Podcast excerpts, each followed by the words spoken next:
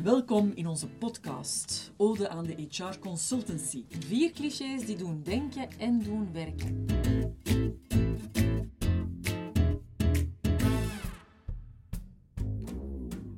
Naast mij zit professor Dr. Peggy de Prins, professor HR en arbeidsrelaties aan de Antwerp Management School. En recht tegenover mij zit Bieke, Bieke van Gool. Zij is executive coach, HR consultant en expert in leiderschap en verandering. En met deze podcast brengen we een ode aan de duurzame HR consultancy. In vier afleveringen, met telkens een must-have centraal. We willen hier heel duidelijk het HR consultancy beroep mee positief in de kijker zetten. We willen studenten, maar ook professionals, maar ook opdrachtgevers positief inspireren. En vier krachtige to-do's meegeven. Als je die vier must-haves uit onze podcast erkent en toepast, wordt duidelijk dat HR consultancy een eervol beroep is met bijzonder veel toegevoegde waarde voor de klant, voor de business en ook een beroep of een vak waarin met heel veel passie en voldoening kan gewerkt worden. Onze centrale vraag is: wanneer en waarom excelleert HR consultancy? En nog meer, wat maakt HR consultancy tot zo'n eervol métier? Om op die centrale vragen een antwoord te formuleren, hebben we vier centrale ingrediënten onderscheiden. Ware kunde, wederzijdse echtheid, kritische vriendschap en positieve begrenzing. Starten doen we telkens met een cliché, waarin allerlei allergische reacties en interpretaties worden verwoord. Hiervoor doen we heel graag een beroep op Nikki.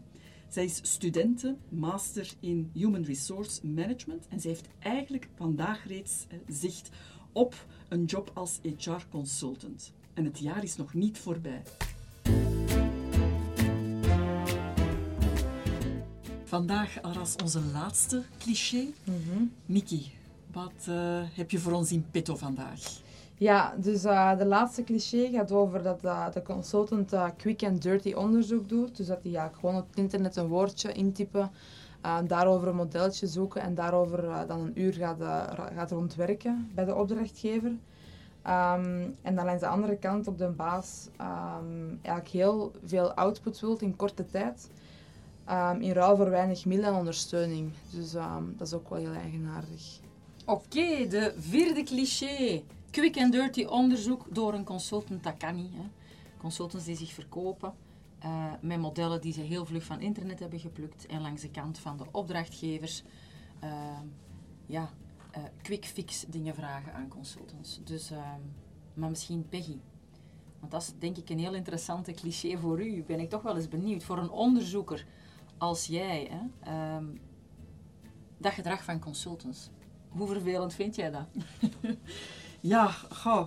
Ehm, natuurlijk vervelend. Hè. Ik denk eh, als, als onderzoeker, en zeker als je pretendeert eh, onderzoek te verkopen, ik denk dat goede consultants, leveranciers zijn hè, van goed toegepast onderzoek, dat je dan toch ook wel een stuk je deontologie en je methodologie moet respecteren. Dus ik ben eigenlijk heel sterke voorstander van wat we dan met een heel mooi of misschien wat duur woord, evidence-based consultancy noemen.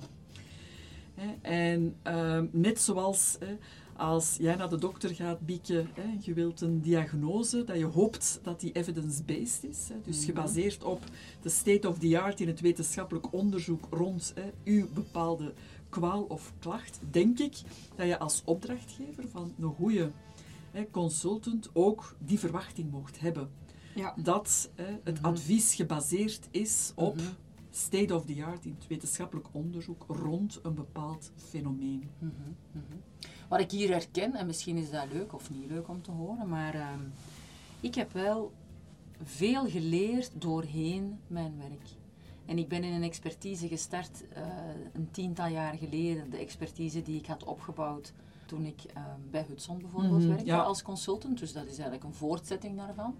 Maar als je kijkt naar wat er vandaag gebeurt en wat ik vandaag doe, dan heb ik geleerd dat wat ik vertelde, dat ik dat herkende in de dingen die ik begon te lezen en de boeken die ik las. Ja, Bijvoorbeeld Lencioni, eh McClelland, allee, al die hele, hele open deuren modellen, want ze staan overal in.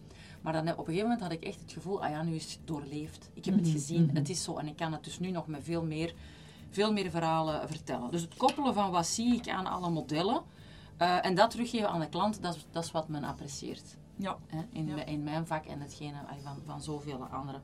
Maar dus het opbouwen van ervaringskennis en het aftoetsen aan de theorie. Ik denk dat dat onze job is. En dat herken ik ook zeker. Hè. Dus, ja? Want eh, misschien start ik hè, ehm, ja, in mijn job eerder van hè, het theoretische en Ja. hè, ga ik dan naar de praktijk. Ja? Denk, hè, Ja. in jouw profiel of jouw ervaring start je hè, ook vanuit ervaring, ervaringskennis. En Ja. ga je dat hè, pingpongen Ja. met de theorie. Maar we hebben beide wel nodig. We noemen dat soms hè, een stuk van, van waar is die brug, de, sweet, de sweet spot, zo noemen we dat in de managementschool. Hè, between rigor en practice. Ja, En dat maakt, denk ik, ook ja, zo ehm, de kern en, en, en Voor mij maakt dat de consultant goed. Voilà. Dat is Ja. daar. Dat is dus, we eindigen hier met ware kunde, maar ehm, zonder dat is er niks. Hè? Nee. Want heel onze verhalen over echtheid en elkaar kennen, dat is allemaal zeer waar. Als je het weghaalt, dan valt het plat, dan is er niks.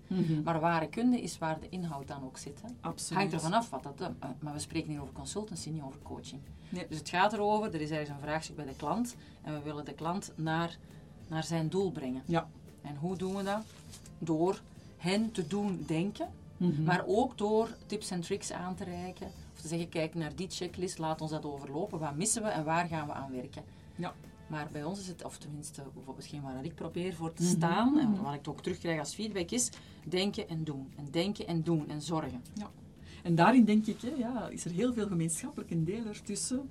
Ja. Hè, een eh, evidence-based consultant en Ja. een goede toegepaste hè, onderzoek. Mhm. En ik denk in beide domeinen, hè, Ja. zeker bijvoorbeeld met de opkomst van Mhm. zoiets als HR Analytics, Mhm. dat we dan nog hè, veel meer hè, Ja. ja. ook naar impact zullen moeten gaan, gaan meten. We doen een interventie, Ja. maar we moeten tegelijkertijd al nadenken van hoe gaan we die, hè, of het resultaat, het beoogd resultaat, trachten te meten. Ja. Dus ik denk ook naar de toekomst toe dat die twee hè, domeinen van onderzoek en consultancy nog veel dichter bij elkaar hè, eh, gaan komen. Onder andere in Ja. impactmetingen. Maar ook naar reflectie. Dus Mhm. toepassen, hands-on en dan nadenken en evalueren. Dat is ook de job van de consultant. Ja. De reflectie daarbij. En dan moet ik ook nog denken, hè, omdat we het hier over ware kunde hebben, ja, vanzelfsprekend. Hè, dus nu word ik wat heviger misschien.